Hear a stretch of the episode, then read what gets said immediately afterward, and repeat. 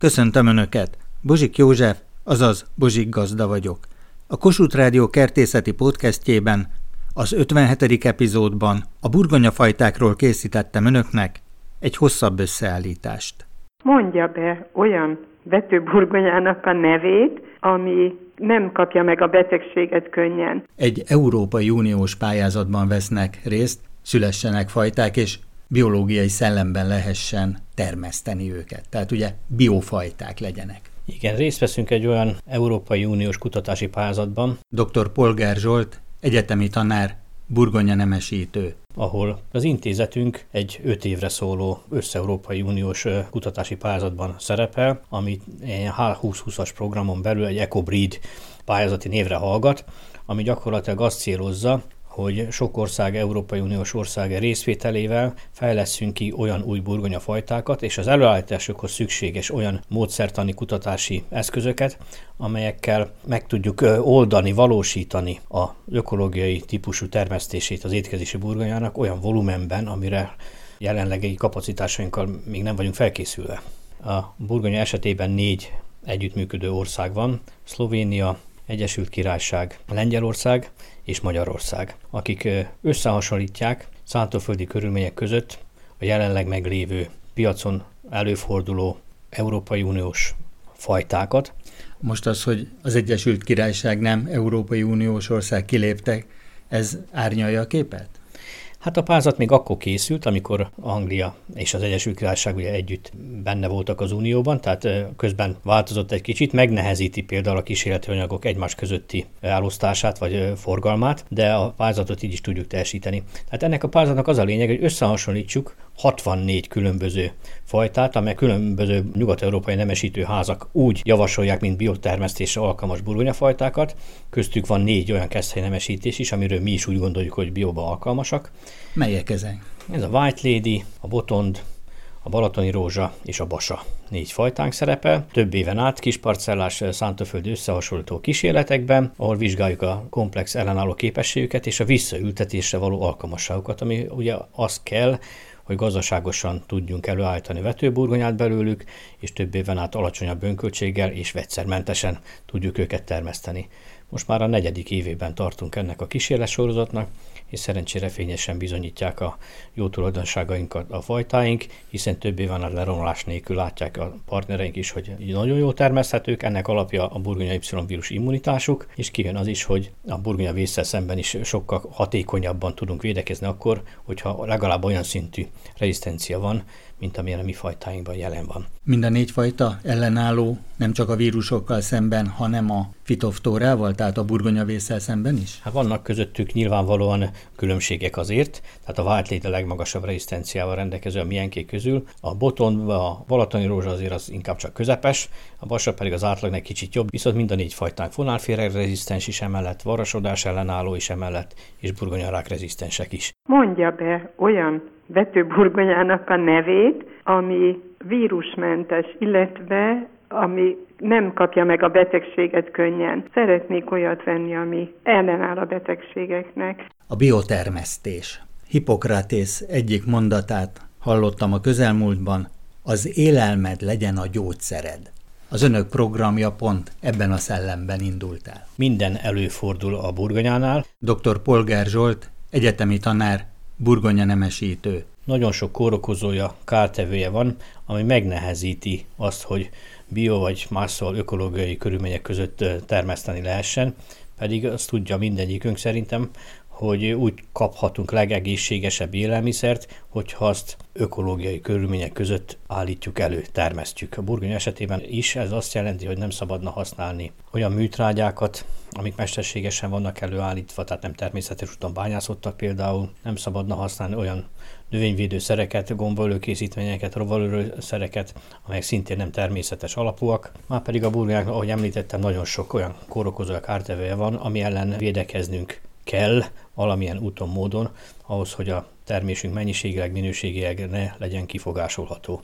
És az intézetünk egy öt évre szóló össze-európai uniós kutatási pályázatban szerepel, amit H2020-as programon belül egy EcoBreed pályázati névre hallgat, ami gyakorlatilag azt célozza, hogy sok ország, Európai Uniós ország részvételével fejleszünk ki olyan új burgonyafajtákat, és az előállításokhoz szükséges olyan módszertani kutatási eszközöket, amelyekkel meg tudjuk oldani, valósítani a ökológiai típusú termesztését az étkezési burgonyának olyan volumenben, amire jelenlegi kapacitásainkkal még nem vagyunk felkészülve.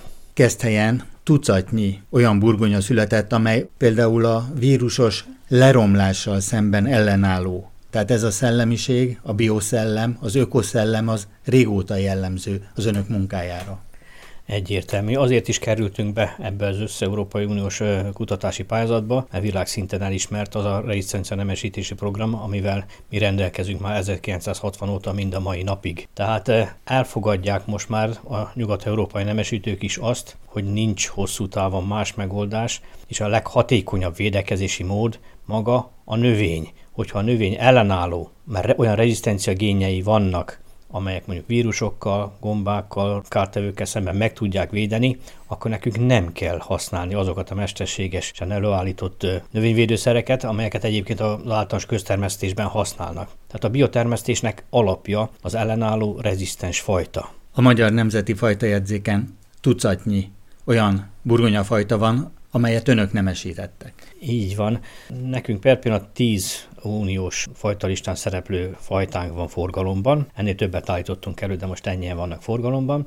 Ezekre egységesen jellemző az, hogy komplex, tehát összetett ellenálló képességgel rendelkeznek többféle kórokozóval, kártevővel szemben. Ami nagyon fontos, hogy a legfontosabb betegségei Magyarországon és a környező országokban mik a burgonyánál, ezek a vírusbetegségek, azon belül is a burgonya Y vírus, és a burgonya vész, az egy gombás betegség a burgonyának.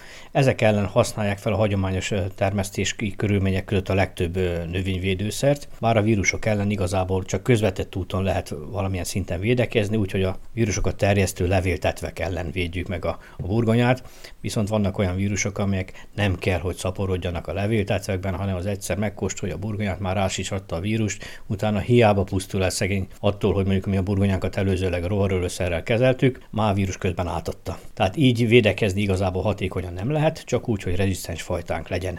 Már pedig az összes keszthelyi fajta gyakorlatilag immunis, ez a legmagasabb fokú ellenálló képesség a vírusokkal szemben, mindegyik fajtánk immunis a burgonya Y vírussal szemben, több fajtánk még a burgonya A vírussal szemben, a burgonya X vírussal szemben is immunis, levélsodródás vírussal szemben is ellenálló, nem immunis, mert olyan gép még vadfajokban sincs, de ellenálló magas fokon, a fajtáink többsége fonálféreg rezisztens, burgonyarák rezisztens, több olyan fajtánk van, ami nagyon jó fitoftola rezisztenciával, vagy varasodás rezisztenciával rendelkezik. Tehát ezért szoktuk némileg büszkén mondani magunkról, hogy egyediek vagyunk ezzel a nemesítési programmal, és ennek a programnak a sikerességével a piacon, mert más nemesítőházaknak nincsenek olyan fajtáik, amelyek ilyen összetett rezisztenciákkal egyfajtában rendelkeznének, és akkor még csak a biotikus stresszekkel szemben rezisztenciát említettem, ott vannak az abiotikus tényezők is, mint ami az idejében kimondottan kijön, sújtja a teljes növénytermesztési ágazatot, azon belül a burgonya termesztést is, ez a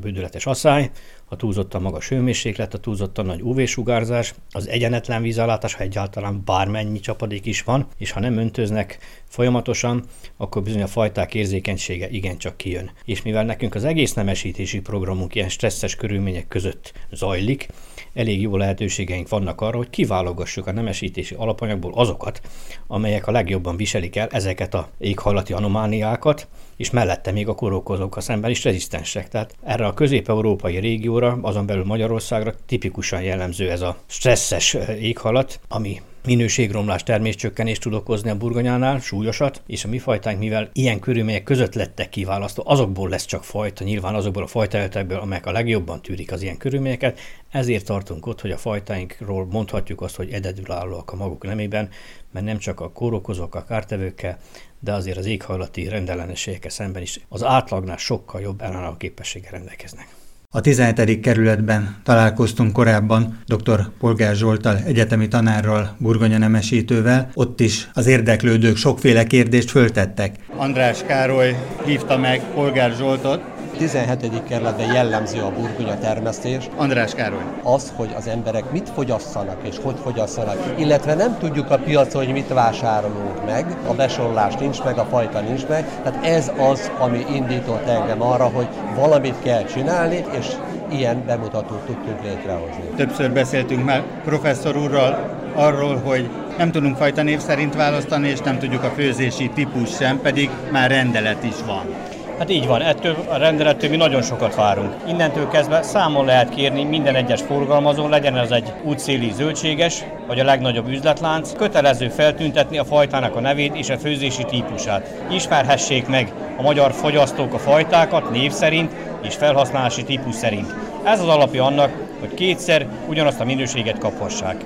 Sokszor beszélgettünk arról, hogy a hészín és a húszszín igazából esztétikai kategória egyáltalán nem függ össze a fajtáknak a valódi értékével, minőségével, csak a fajta név az, ami garanciát jelent egy fogyasztó számára. Akármilyen fajtát választunk, legyen az egy magyar vagy egy külföldi, ha tudjuk, hogy mit vettünk, és az jó volt, másodszor is azt meg tudjuk vásárolni a burgonyából, az az kell, hogy ki is írják rá, hogy őt úgy hívják, hogy. Sok-sok érdeklődő van. Gyönyörűek, nagyon szépek ezek a krumplik. Ennyi fajta krumpli. Lehet csinálni mindent. Most tetszik tudni ezt a három alapvető főzési típust, hogy A, B, C? Még hogy... nem. Mi az, hogy ABC? Hát az A-típusúak azok, ami salátának való burgonyák, kemény húsúak, nem főnek szét. Éjjába kell őket megfőzni, utána meghámozni, és kiválóan szeletelhetők, nem esik szét. Igen. Ettől lehet belőlük jó salátát készíteni. A B-típusúak azok, amiben egy kicsit több a keményítő már, mint a saláta burgonyákban. Ezeket főzni szeretjük leginkább Petrezselmer burgonyának, levesbe, főzelékbe. Még mindig egyben marad, de egy kicsit már lisztesebb. Igen. És vannak a C-típusúak, ami igazából sütni való burgonya, mert sok bennük a keményítő. Igen.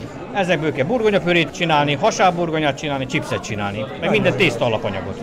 Ez idáig rendben van, de az eladónál miért nincs kiírva, hogy milyen fajta az A, meg a B, meg a C? Jaj, de köszönöm ezt a kérdést. Ennél jobb kérdést föl se tehetett volna, asszonyom. Mert akkor tudom, hogy akkor mit akarok főzni, és akkor olyan krumplit fogok választani. Kötelező feltüntetni a fajtának a nevét és a felhasználási típusát is. Hogy az a fajta, legyen az egy balatoni rózsa, vagy egy hópehely, vagy egy holland deziré, rá kell írni, hogy az mire való. Sütni, főzni vagy salátának. Innentől kezdve kétszer meg tudják majd venni ugyanazt a minőséget. Ez nagyszerű, ez nagyon jó. Krumplit krumplival, mi nagyon szeretjük a krumplit, és sokat is eszünk. A magyar embernek a burgonya a második kenyere. Igazam van? Ez így igaz. Nem a sör az.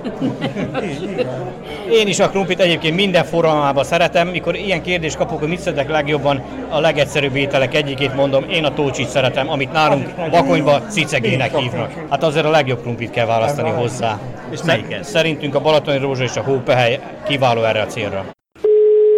Gyakran vásárolunk sárga héjú burgonyát. Szeretném tudni, hogy a sárga héjú burgonya egyik fehér a húsa, másiknak sárga a húsa, hogy ez mitől van.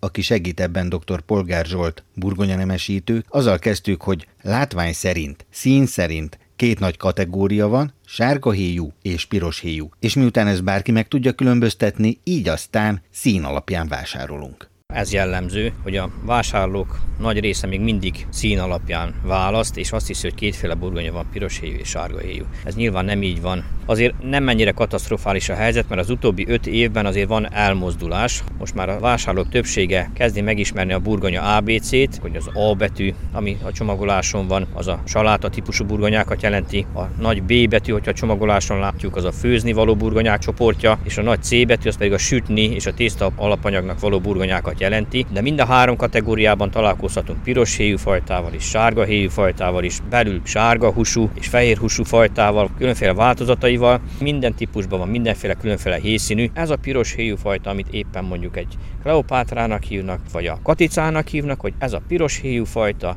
nem ugyanaz, mint a másik, még akkor sem, hogyha ugyanabban a főzési kategóriába tartozik, mert ízben, állagban akkor is van közöttük különbség, óriási akár.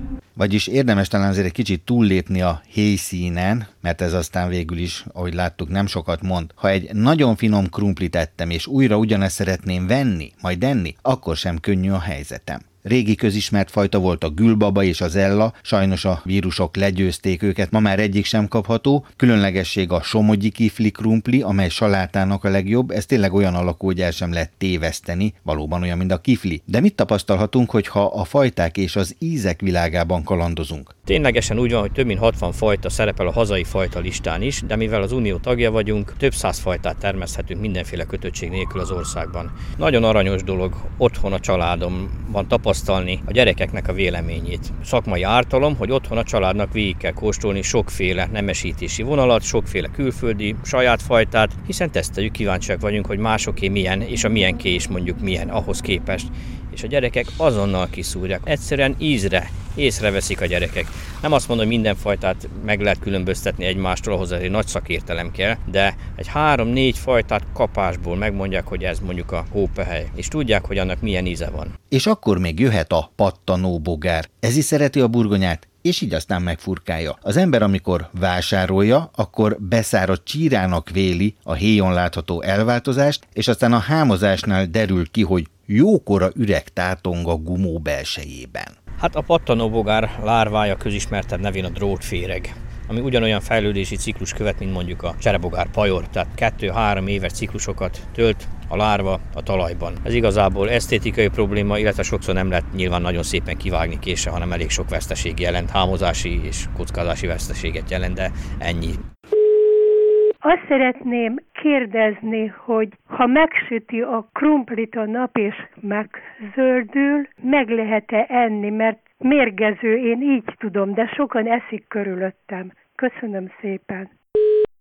Megállapítottuk, hogy emberi fogyasztásra veszélyes, mert mérgező anyagokat tartalmazhat, de föl lehet-e használni az állatok takarmányozására? A burgonya minden zöld része gyakorlatilag alkalóidőkat tartalmaz, több-kevesebb mennyiségben, és a gumó is, ha megzöldül a héj részben, akkor felszaporodnak ezek az alkalóidok, amelyek ténylegesen mérgező hatásúak. Aki segít ebben dr. Polgár Zsolt, burgonya nemesítő. Tehát ha az emberi szervezetre mérgező, akkor az a az állatokra is ugyanolyan mérgező hatású, tehát egyáltalán nem javaslom azt mondjuk, hogy meghámozzuk a burgonyát, és mi fogyasszuk el egy ilyen zöld gumónak a belsejét, és a héját mondjuk takarmányozzuk föl, vagy teljes egészében egy megzöldült gumót takarmányozzuk föl, el kell sajnos dobni. Ez probléma. Tehát például, hogyha megfőzzük úgymond mosléknak, akkor is használhatatlan, hőre nem bomlik le? Igen, ezek az alkoholok sajnos nem bomlanak le, tehát semmit nem veszítenek a veszélyességükből. Ezt meg kell semmisíteni, el kell dobni az ilyen tételeket sajnos.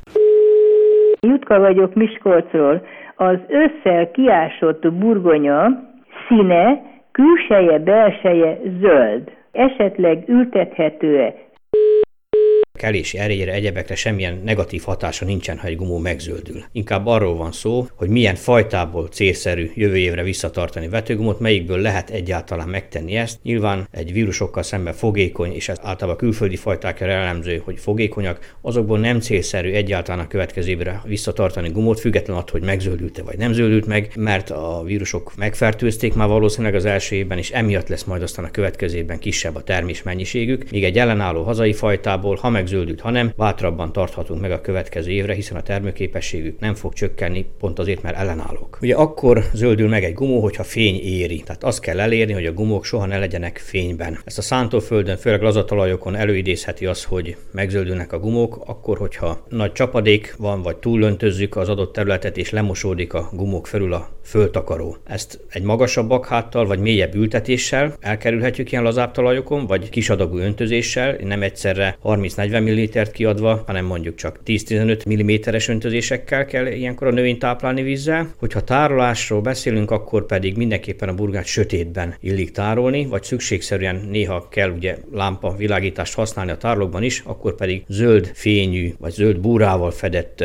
lámpatesteket célszerű használni, mert ez a fény hullámhossz, ami átmegy a zöld lámpabúrán, ez kevésbé zöldítő hatású. Tehát vannak olyan fajták, amelyek nagyon érzékenyek arra, hogy milyen gyorsan reagálnak az alkoholidok felszaporodásra szaporodására attól függően, hogy egy napig vagy egy hétig vannak mondjuk fényen. Néhány nap azért semmilyen fajtának nem árt tulajdonképpen, de ha hetekig nagy lerakatokban ott van, úgyhogy a fény éri, az bizony probléma. A sárga héjú fajtáknál ugye ez nagyon jól látszik, mert feltűnő. De a piros héjú fajtáknál, vagy a rózsahéjú burgonya fajtáknál ez nem tűnik fel elsőre, nem elegendő az, hogy egy-két milliméter mélyen meghámozzuk a már zöldülésnek indult gumókat, hanem az zöldült héjjal rendelkező gumókat, még akár csak egy harmada zöld mondjuk a gumó felületének, vagy akár kevesebb is, ez legcélszerűbb nem felhasználni.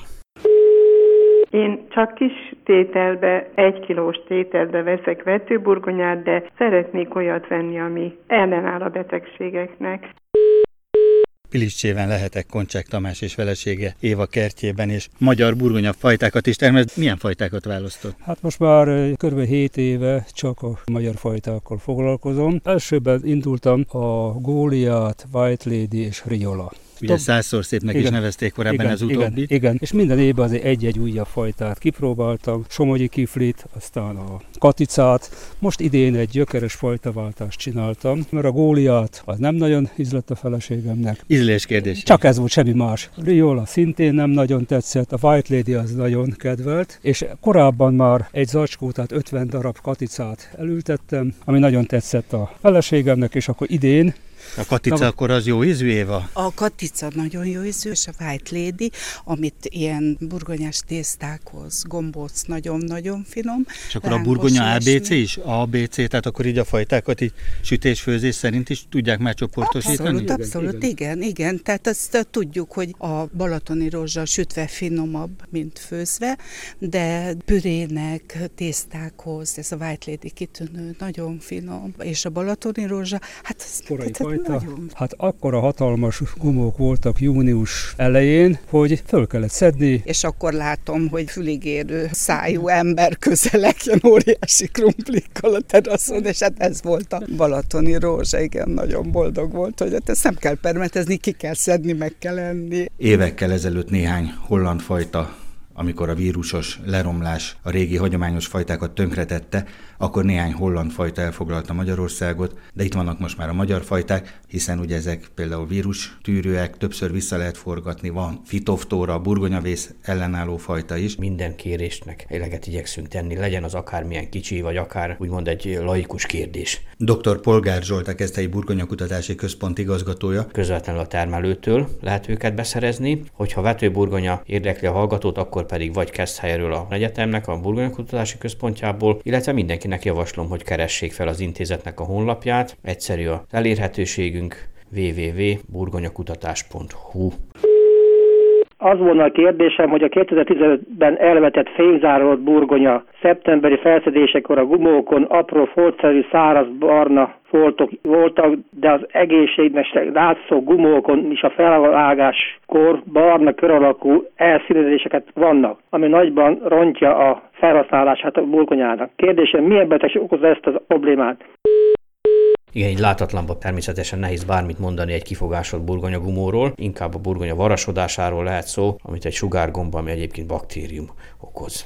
Szegedi Szilveszter vagyok Jászberingből. Például lényeges dolog, hogy a burgonya leromlását is ugye vírusok okozzák. Ahogy kedves hallgatónk említette, a burgonya kutatásban is, a burgonya fajták esetén is rendkívül fontos a vírusmentes szaporítóanyag, illetve a vírustűrő fajták. A hazai burgonya termesztés teljesen tönkretette az 1970-es években a vírusos leromlás. Akkor tűntek el a termesztésből az olyan közkedvelt régi fajták, mint a gülbaba és az ella. Három holland burgonya fajta került akkor előtérbe, a kondor, a kleopátra és a deziré. Ezek azonban nem vírus ellenálló fajták, így a szaporítóanyagot minden évben újra kell vásárolniuk a termesztőknek. Ugyanakkor a magyar burgonyanemesítők vírus ellenálló fajták sokaságát állították elő, és ez a tucatnyi fajta ma már ott van a Magyar Nemzeti Fajtajegyzéken. A magyar fajták vírus ellenállóak. Ezeknek a fajtáknak a gumóit akár két-három alkalommal is vissza lehet forgatni, mint vetőburgonyát, annyira kiválóak a vírus ellenállóság tekintetében. A magyar fajták nemzetközi mércével mérve is kimagaslanak, amint egy fél ezer burgonyafajta közül, amelyet Európában termesztenek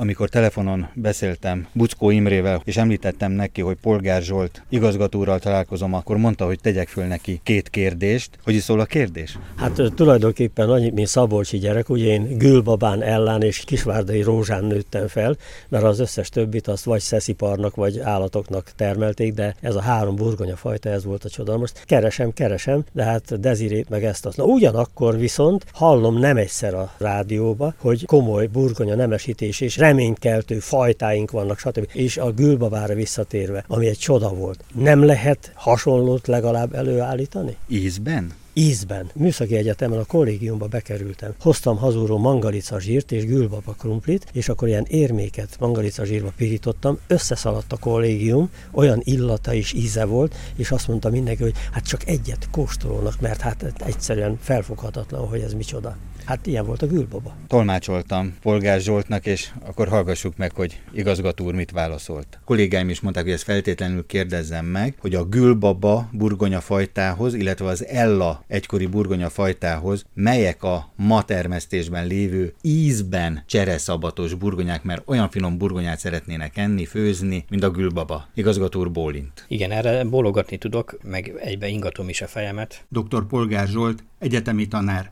burgonya nemesítő mert már az irritáció szintjét surolják, amit a kereskedelem itthon művel ezzel a két valójában nem létező fajtával. Ma is lehet kapni, látszólag. Tehát gülbabának és ellának látszó burgonyát forgalmaznak, ki is van írva. Így van. Hát Ez okozza ugye az irritációt. Igen, azért okoz irritációt, mert jó magunk is sokszor elmondtuk, ne hagyják az emberek becsapni magukat, mert itt szó szerint erről van szó. Ez a két 50-es, 60-as években még általánosságban ismert fajta, körülbelül 30-35 éve már nem létezik fizikai fizikailag sem a gülbaba, sem az ella. Tehát nem véletlenül tűntek el ezek a régi fajták a köztermesztésből, mert az új vírusbetegségekkel szemben annyira érzékenyek, hogy egy évet nem bírnak ki egészségesen a szántóföldi körülmények között. A leírásokból tudjuk, hogy körülbelül milyen főzési típusúak voltak ezek a fajták. A lényeg ebből az, hogy ténylegesen egy jó étkezési minőségi fajtákról lehetett akkor szó, és ne hagyják magukat becsapni, mert amit ma Magyarországon gülbaba vagy ella néven hoznak forgalomba, bárhol, bár bármilyen üzletben, bármelyik piacon, az nem az. Bármi más, sárgahéjú fajtákra ráírják kapásból akármelyik sárgára, hogy az Ella, és akármelyik rózsahéjúra, az Ülbaba. Idei vetésű burgonyát el lehet vetni tarló burgonyaként. Nem egy egyszerű kérdés. Dr. Polgár Zsolt, burgonya nemesítő, egyetemi tanár. A lényeg az, hogy jó minőségben kell eltartani az előző évből származó vetőburgonyát az adott év július elejére. Ezért hívják tarlóburgonyának, ugye? Világon nagy csoda lenne, ha ezt így lehetne. Azért volt is kisebb hazánkban olyan autodidakta, aki megpróbálkozott ilyen csodaszerekkel, ami másnak még a világon nem sikerült, hogy a frissen betakarított burgonyából két héten belül újra vethető állapotú vetőgumót készítsen némi hormonkezeléssel. Nyilvánvalóan nem sikerült neki. A burgonyának van természetes nyugalmi ideje, fajtától függő, hogy ez az időszak milyen hosszú. Tehát egy frissen betakarított burgonyát, amíg az ő mély nyugalmi ideje le nem jár, addig hiába ültetjük el, kikelni nem fog. Tarló burgonya egy másodvetésű növény jelent, ugye valamilyen korai növényt betakarítunk. Akár egy zöld borsót? Akár egy zöld borsót, így van, ami már júniusban vagy május végén lekerül, és ha tudunk olyan talajállapotot készíteni, mert mondjuk meg tudjuk öntözni a területünket, vagy van egy természetes csapadék, ami lehetővé teszi, hogy egy morzsás talajszerkezetet 30 cm mélyen meg, vagy homokos talajon gazdálkodunk, és akkor